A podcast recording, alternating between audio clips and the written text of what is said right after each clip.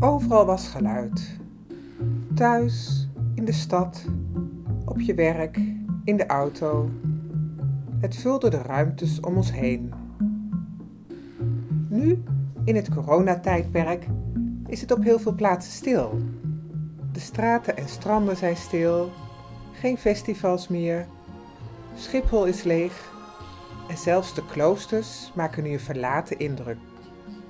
In deze speciale corona-afleveringen van Lekker Stil ga ik, Anne Staal, opnieuw in gesprek met een aantal stiltekunstenaars. Door de telefoon vertellen ze hoe ze de tijd ervaren. Is het lekker stil of ongemakkelijk stil? Samen tasten we opnieuw de grenzen van de stilte af.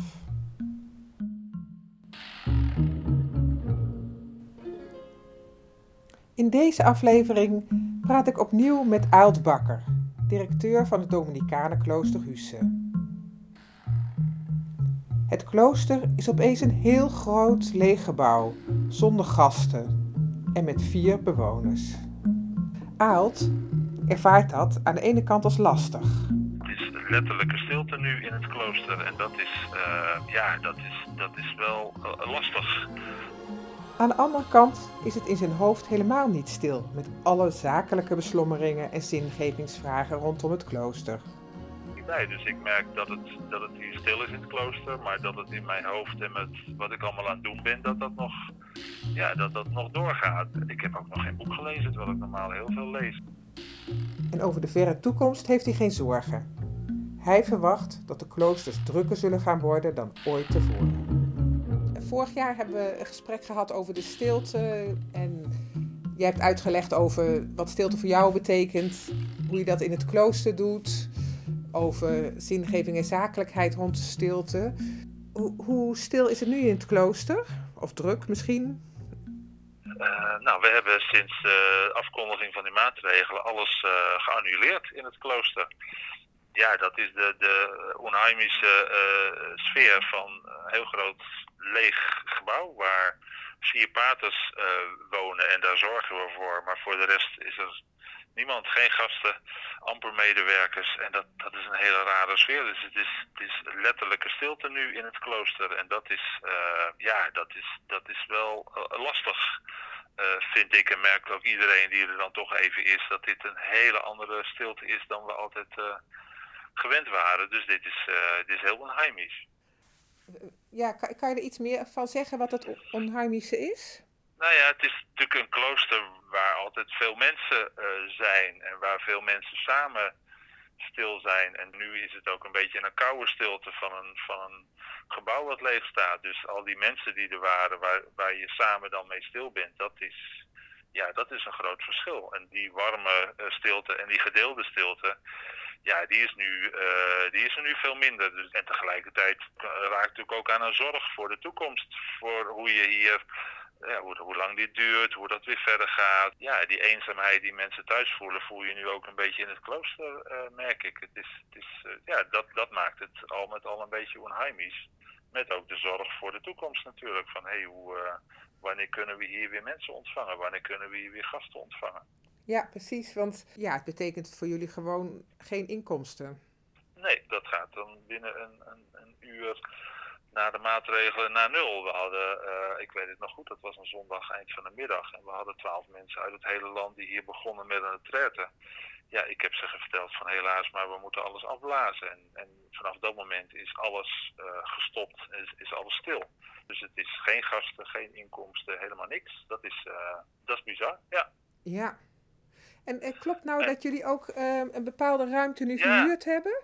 Ja, tegelijkertijd, zo gaat het dan ook. Dinsdag ga je bellen en bedenken van, goh, er is zoveel behoefte aan noodopvang en dergelijke. Toen zijn we gaan bellen en uh, ja, s'avonds was het gebouw wat hier op het kloostercomplex staat, de herberg, was ingericht als noodopvang voor dak- en thuisleuzen hier uit de buurt. Die milde klachten hebben en die niet meer in de normale opvang kunnen zijn, die hier een tijdje op verhaal kunnen komen en een kamer hebben en wij zorgen voor ze. Dat is hier in het aparte gebouw. Maar in het kloostergebouw zelf uh, komen ze niet. Ja, maar het is fijn dat we een kleine, kleine bijdrage kunnen leveren aan in ieder een aantal mensen die dan nou, een week of een paar dagen in ieder geval gewoon even bij kunnen komen, even op adem kunnen komen. Nou, daar is een klooster ook voor natuurlijk. Ja, precies. En heb je contact nog met de vier broeders die er zijn?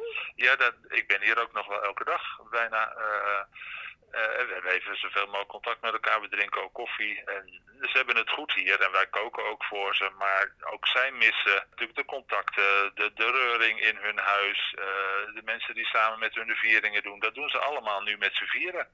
En uh, ja, dat is, dat is voor hun natuurlijk ook even flink wennen. En ook voor hun eenzaam om, om zo ook in, een, in hun klooster, in een drukke klooster alleen te zijn. En, en tegelijkertijd nou, zie je ook dat ze nu met YouTube hebben ze zondag de viering gedeeld, dat mensen op internet eh, mee kunnen uh, kijken. Nou, dat, is, dat, dat geeft ze ook wel weer energie, geeft ze ook wel weer verbondenheid met, uh, met allerlei mensen. Hoe is dat voor jezelf? Want ik merk van, nou, het is misschien wel stil, maar of dat nou lekker is en concentratie is nog niet zo heel eenvoudig, merk ik. Hoe is dat bij jou? Dat herken ik, dat herken ik wel. En, en tegelijkertijd, toen we de beslissing moeten nemen om het klooster te sluiten, ja, dan is er in het begin ook heel veel te doen. Hè. Dan, dan, dan sta ik tenminste dan volledig in de do-modus en dan moet er heel veel geregeld worden en dat doe je dan ook.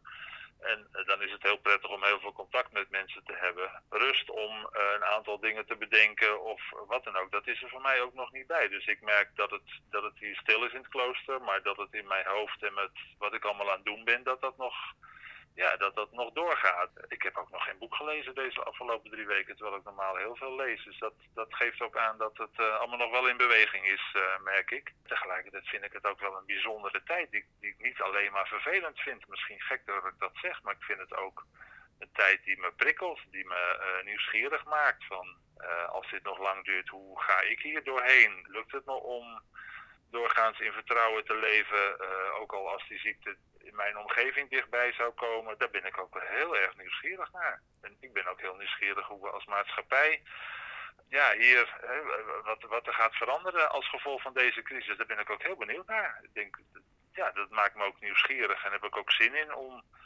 om daarover na te gaan denken of om te kijken wat betekent dat voor dit klooster of wat, ja, wat, wat gaan we veranderen of gaan we weer terug naar de oude modus. Ik hoop het in hemelsnaam niet, maar ja, dat vind ik ook leuk. Uh, ja, Herken je dat misschien? Ik weet niet of je het herkent, ja, maar dat is, uh, dat is wat ik voel. Ja. ja. ik had ook in het begin heel erg een soort strengheid naar mezelf. Van, oh, maar dan ga ik, toen leek het nog drie weken, ga ik die drie weken echt helemaal perfect ook organiseren en heel gezond eten. En toen dacht ik, ja, wacht, waarom die strengheid? Ik word er helemaal moe van. maar ik merk ook wel, het is voor mij ook een beetje een zoektocht van, ja, precies, die nieuwsgierigheid. En tegelijkertijd denk ik, ja, ik wil heel graag dat we daar een les uit leren. Ja, maar misschien is dat helemaal niet zo. En, en wat denk je, zouden mensen dan, als er weer gewoon leven is, weer de stilte bij jullie komen opzoeken? Ik, ik verwacht wel dat, ja, misschien in het begin even met onzekerheid en dergelijke, maar ik, ik denk dat er wel veel meer behoefte is om ook na te denken, wat is de zin en de betekenis hiervan in mijn leven? En ik verwacht wel dat dat straks ja, wij spreken nog drukker wordt in kloosters in Nederland. Dat mensen zich daar wel bewuster eh, de tijd voor willen nemen, voor mijn gevoel. En, en, en speel jij daar straks ook op in door het weekend te geven? Hoe hou ik de rust vast die er tijdens de corona was? Of zoiets? Ja, we zijn wel aan het zoeken naar kijken naar thema's die, die misschien uh, straks uh, belangrijker zijn. En ook straks de mogelijkheid te bieden om hier gewoon maar te zijn. Om ook weer mensen te ontmoeten. Uh, reflectie van hé, wat, wat, wat heeft het je gebracht? Om hoe heb je nou weer, ja, weer zin in de toekomst? Denk dat dat wel thema's zijn waar we meer aandacht aan gaan besteden. Ik ben heel benieuwd. En ik hoop dat we daar uh, inderdaad elkaar kunnen helpen en kunnen uh, vasthouden om, uh, ja, om verder te gaan. En tegelijkertijd ook te kijken wat willen we nou echt anders doen met elkaar. Ik hoop toch dat er wat veranderingen komen. Dat hoop ik van harte. Je hoorde het telefonisch gesprek met Aalt Bakker rondom de stilte en corona. Wil je horen hoe Aalt normaal gesproken met de stilte omgaat en of hij vindt dat stilte te verkopen is? Luister dan naar de andere podcast van Lekker Stil. Natuurlijk heb ik in Klooster Husse ook een uur stilte opgenomen. Er zijn ook andere stiltekunstenaars, opnieuw geïnterviewd over stilte in coronatijd. In mijn andere podcast van Lekker Stil hoor je deze mensen en anderen over de kracht van stilte, pracht van de ochtendstilte en of je stilte nou zoekt in jezelf of stilte om je heen. Veel plezier!